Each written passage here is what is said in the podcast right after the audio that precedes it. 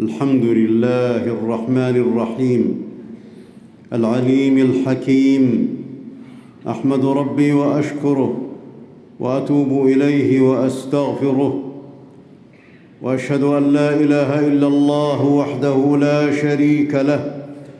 العلي العظيم. وأشهد أن نبينا وسيدنا محمدا عبده ورسوله النبي الكريم. اللهم صل وسلم وبارك.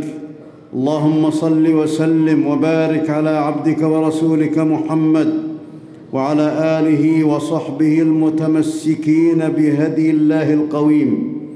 أما بعد فاتقوا الله فاتقوا الله بالتقرب إليه بمرضاته والبعد عن محرماته.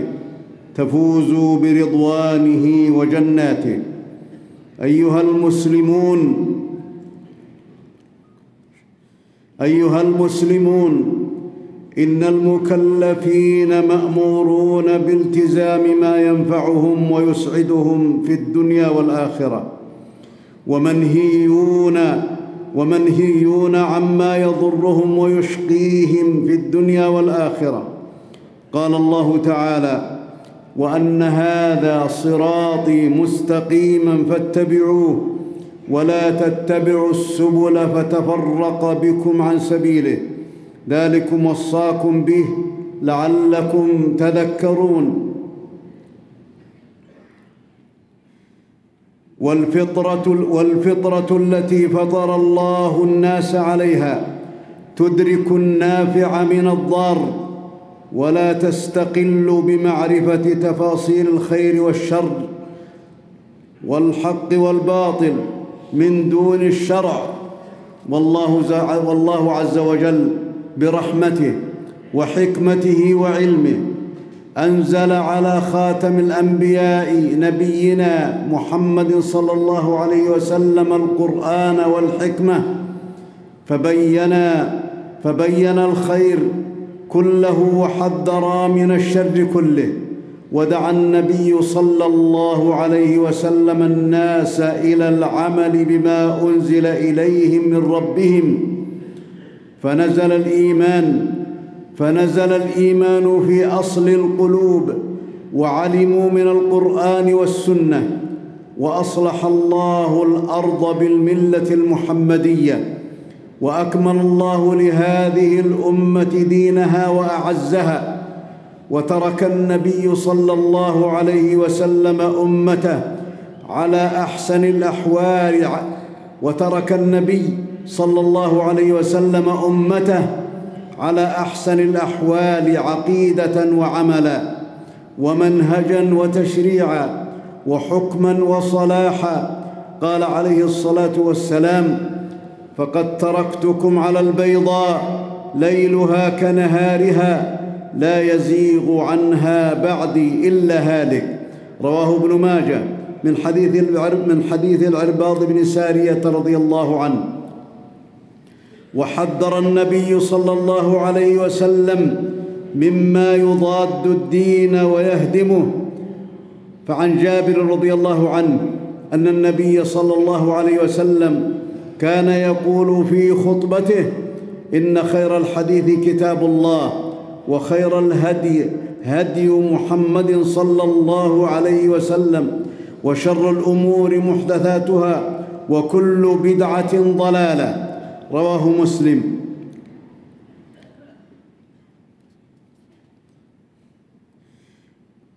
والنعم والنعم تحفظ بشكرها. واجتناب أسباب زوالها واتقاء واتقاء عقوبات كفرانها. قال الله تعالى وإذ تأذن ربكم لئن شكرتم لأزيدنكم ولئن كفرتم إن عذابي لشديد. والبدع المضلة والبدع المضلة كفران لنعمة الإسلام وهدم للدين وشر على الأمة تفرق بين القلوب وتضعف الكيان وتشتت الصف والبدع دمار والبدع دمار على أصحابها وعلى المسلمين والبدع إفساد في الأرض ونشر للظلم وتسلط على الأبرياء. قال الله تعالى قل هو القادر قل هو القادر على أن يبعث عليكم عذابا من فوقكم أو من تحت أرجلكم أو يلبسكم شيعا ويذيق بعضكم بأس بعض. انظر كيف نصرف الآيات لعلهم يفقهون. وافتراق الناس وافتراق الناس شيعا وأحزابا. لا يكون إلا بالبدع المضلة. وقد برأ الله تعالى وقد برأ الله تعالى رسوله صلى الله عليه وسلم وأتباعه من أهواء المبتدعين. قال الله تعالى إن الذين فرقوا دينهم وكانوا شيعا لست منهم في شيء إنما أمرهم إلى الله ثم ينبئهم بما كانوا يفعلون. وقال تعالى وأقيموا الصلاة ولا تكونوا من المشركين. من الذين فرقوا دينهم وكانوا شيعا كل حزب بما لديهم فرحون. وقرأ وقرأ حمزة والكسائي إن الذين فارقوا دينهم وكانوا شيعا لست منهم في شيء. ونهى الله نهى الله أمة الإسلام عن البدع واتباع المبتدعين قال الله تعالى ولا تكونوا كالذين تفرقوا واختلفوا من بعد ما جاءهم البينات وأولئك لهم عذاب عظيم. يوم تبيض وجوه وتسود وجوه فأما الذين اسودت وجوههم أكفرتم بعد إيمانكم فذوقوا العذاب بما كنتم تكفرون. وأما الذين ابيضت وجوههم ففي رحمة الله هم فيها خالدون. قال أهل التفسير الذين اسودت وجوههم هم أهل البدع والذين ابيضت وجوههم هم أهل الإسلام المتبعون للنبي عليه الصلاة والسلام وصحابته. والبدع والبدع المضلة والبدع المضلة خراب للعمران وإفساد للدين والدنيا. قال الله تعالى وإذا قيل لهم لا تفسدوا في الأرض قالوا إنما نحن مصلحون ألا إنهم هم المفسدون ولكن لا يشعرون.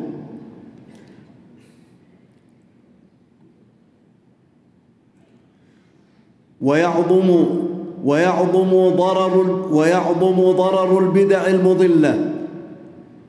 وتستعر نارها في كل أصل من أصول الإسلام إذا كان لأهل البدع قوة. يكيدون بها الإسلام وأهله. وكل نكبة وكل نكبة في أمة الإسلام من داخلها فسببها من أهل البدع والمنافقين والمستقرئ للتاريخ والمتتبع لحوادث الأيام يرى مصائب الإسلام من أهل البدع المضلة. وأول البدع أول البدع خروجهم على الخليفة الراشد عثمان رضي الله عنه وقتله وقد أذاق هؤلاء الخوارج. أمير المؤمنين علي بن أبي طالب رضي الله عنه مرارة الحياة وأوهنوا جيشه وفرقوا بين المسلمين واستحلوا الدماء وأعظم نكبة وأعظم نكبة للإسلام وذل للمسلمين نكبة بغداد الكونية في خلافة المستعصم العباسي وقتله بسبب المبتدعين المضلين المنافقين. وما من غزاة وما من غزاة لبلاد الإسلام إلا كان أهل البدع معهم على المسلمين وهم اليوم أكثر اسماء واحزابا ولكنهم يتفقون على حرب الإسلام وزعزعة الأمن ونشر الفوضى والإفساد في بلاد المسلمين. ولو راجعت ولو راجعت كل طائفة مبتدعة تاريخها لوجدت فيه مزدجرا لها عن غيها وبغيها ومحاربتها لدينها ولأوطانها. فماذا ربحت كل طائفة مبتدعة؟ وماذا جنت؟ ما جنت إلا الخسار والعار. قال الله تعالى ولقد جاءهم من الأنباء ما فيه مزدجر حكمة بالغة فما تغني النذر. وهل يظن وهل يظن المبتدعون أن أهل الإسلام يتركونهم يغيرون دين الله الذي رضيه للعباد وأصلح به البلاد والعباد؟ ساء ما يحكمون. والأمور والأمور والأمور المبتدعة هي ما أحدث في الدين مما لا أصل له بالشريعه يدل عليه. قال ابن رجب رحمه الله فكل من أحدث فكل من أحدث شيئا ونسبه إلى الدين ولم يكن له أصل من الدين يرجع إليه فهو ضلالة والدين بريء منه وسواء في ذلك مسائل الاعتقاد. أو الأعمال أو الأقوال الظاهرة والباطنة.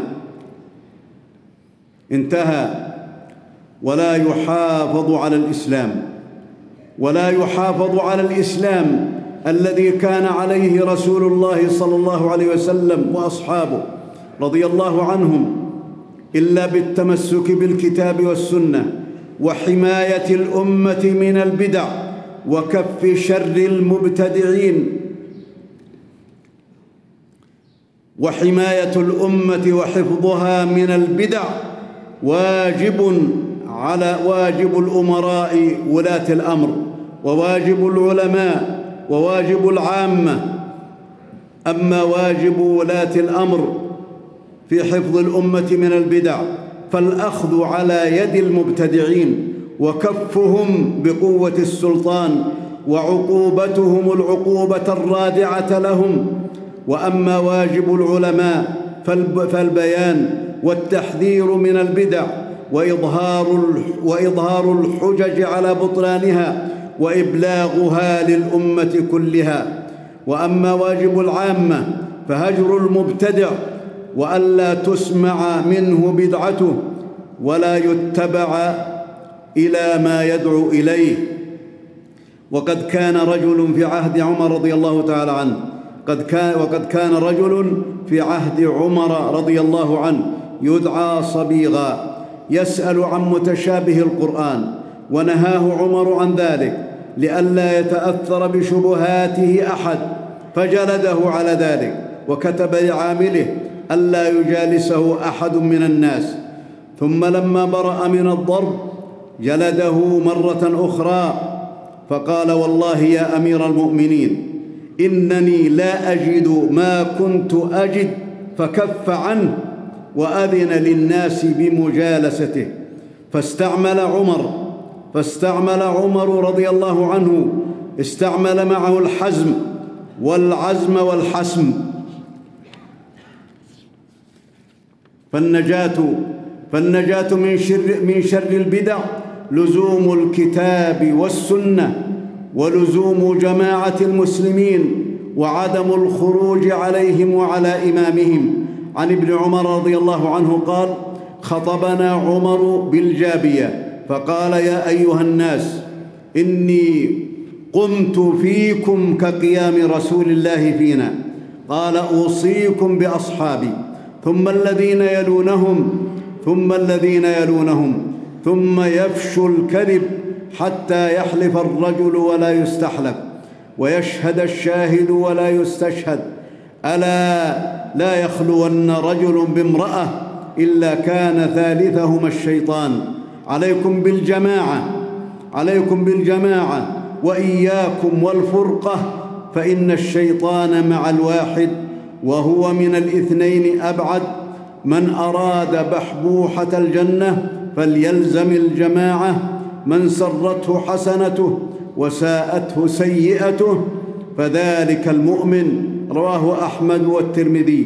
قال الله تعالى يا أيها الذين آمنوا اتقوا الله حق تقاته ولا تموتن إلا وأنتم مسلمون واعتصموا بحبل الله جميعا ولا تفرقوا. بارك الله لي ولكم في القرآن العظيم ونفعني وإياكم بما فيه من الآيات والذكر الحكيم. ونفعنا بهدي سيد المرسلين وقوله القويم. أقول قولي هذا وأستغفر الله لي ولكم وللمسلمين. فاستغفروه إنه هو الغفور الرحيم.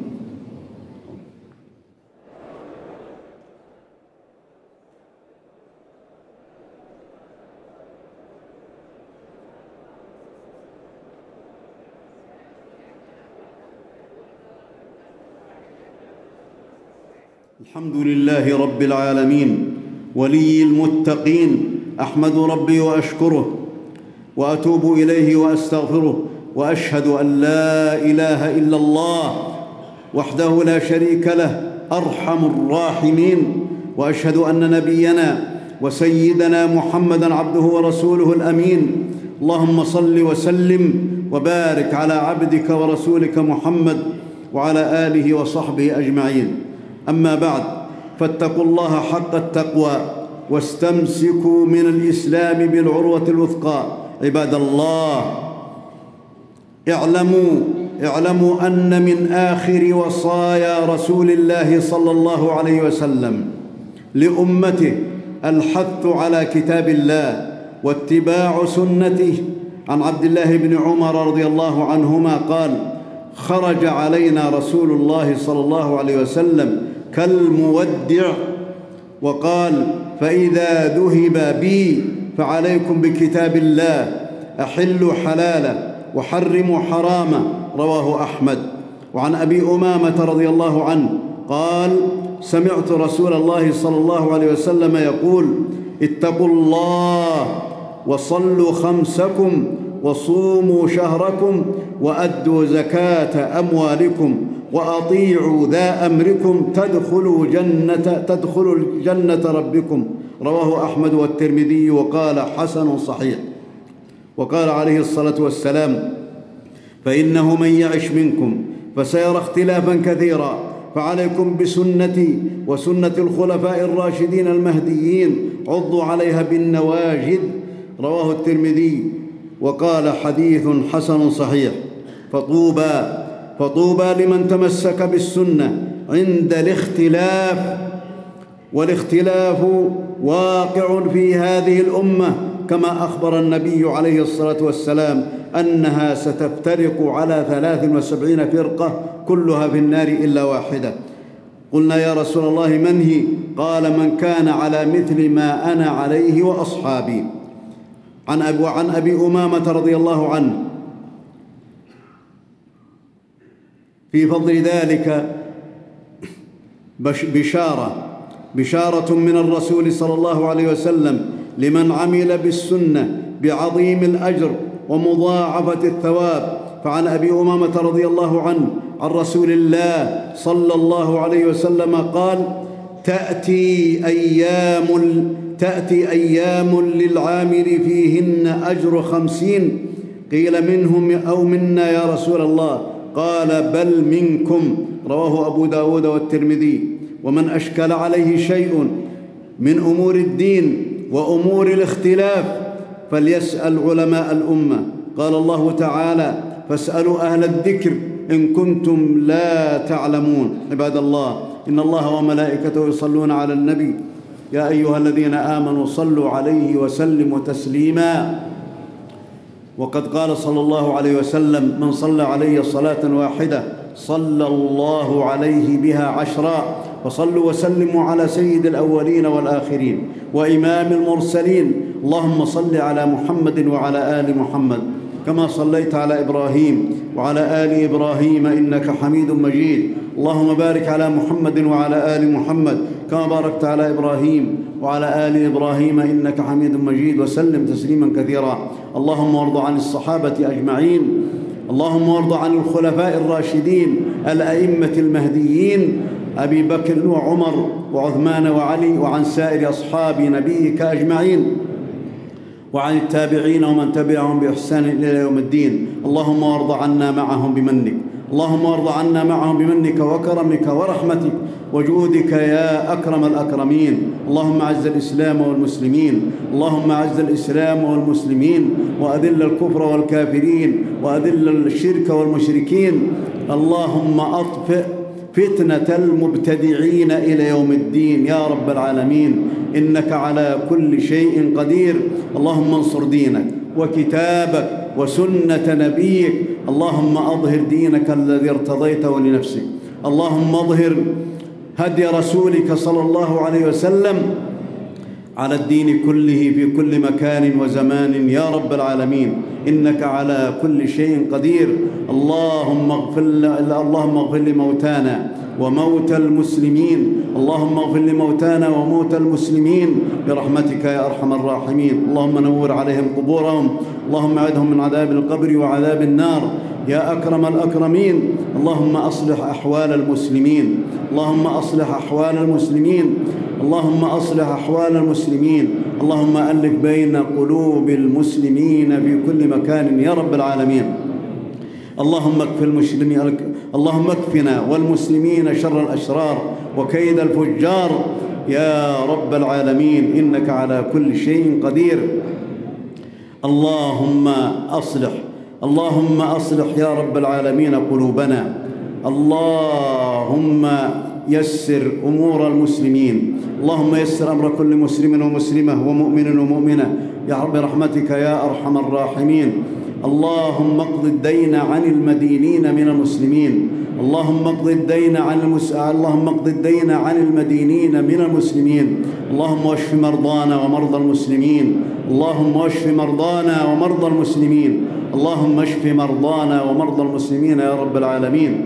اللهم اصلح شبابنا وشباب المسلمين. واصلح قلوبنا وقلوب المسلمين يا رب العالمين. اللهم اعدنا اللهم أعذنا وذرياتنا من إبليس وجنوده وذريته وشياطينه. يا رب العالمين اللهم أعذنا من شياطين الإنس والجن. اللهم أعذ المسلمين وذرياتهم من شياطين الإنس يا رب العالمين والجن. اللهم أعذ المسلمين من شرور أنفسهم وسيئات أعمالهم. يا أكرم الأكرمين ويا أرحم الراحمين. اللهم احفظ اللهم احفظ بلادنا من كل شر ومكروه. اللهم احفظ جنودنا في الحدود. اللهم احفظ جنودنا الذين يجاهدون في سبيلك يا رب العالمين. اللهم احفظهم. اللهم إنا نسألك أن تحفظهم وأن تجعلهم سالمين غانمين. إنك على كل شيء قدير. اللهم عليك بالبدع والمبتدعين الذين يحادون دينك. والذين يهدمون دينك يا رب العالمين. اللهم عليك بهم اللهم نكس راياتهم اللهم اخذلهم اللهم اكتب عليهم العار. إنك على كل شيء قدير.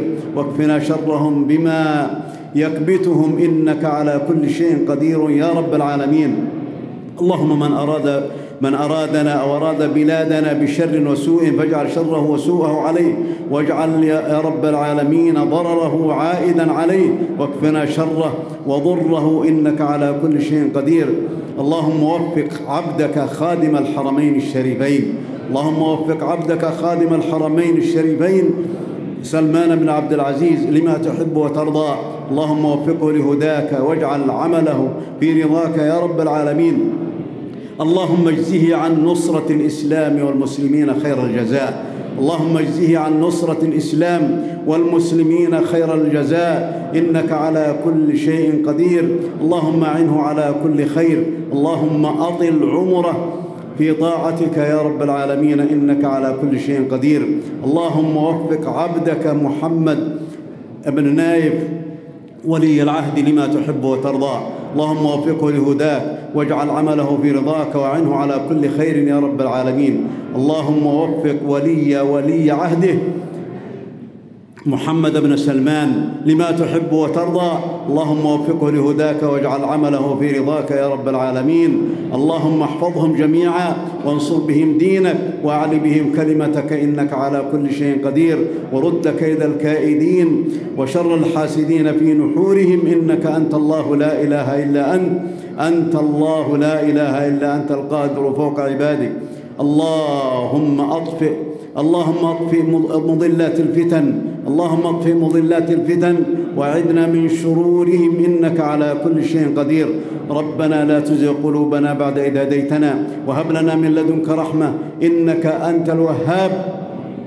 اللهم إنا نسألك أن تغفر لنا ذنوبنا جميعها ما أسررنا وما أعلنا وما أنت أعلم به منا. برحمتك يا أرحم الراحمين. اللهم إنا نسألك العفو والعافية والمعافاة الدائمة في الدين والدنيا والآخرة. اللهم فقهنا والمسلمين في دينك وعذنا يا رب العالمين من مضلات الفتن ما ظهر منها وما بطن عباد الله إن الله يأمر بالعدل والإحسان وإيتاء ذي القربى وينهى عن الفحشاء والمنكر والبغي يعظكم لعلكم تذكرون. وأوفوا بعهد الله إذا عاهدتم. ولا تنقضوا الأيمان بعد توكيدها وقد جعلتم الله عليكم كفيلا. إن الله يعلم ما تفعلون واذكروا الله العظيم الجليل يذكركم واشكروه على نعمه يزدكم ولذكر الله أكبر والله يعلم ما تصنعون.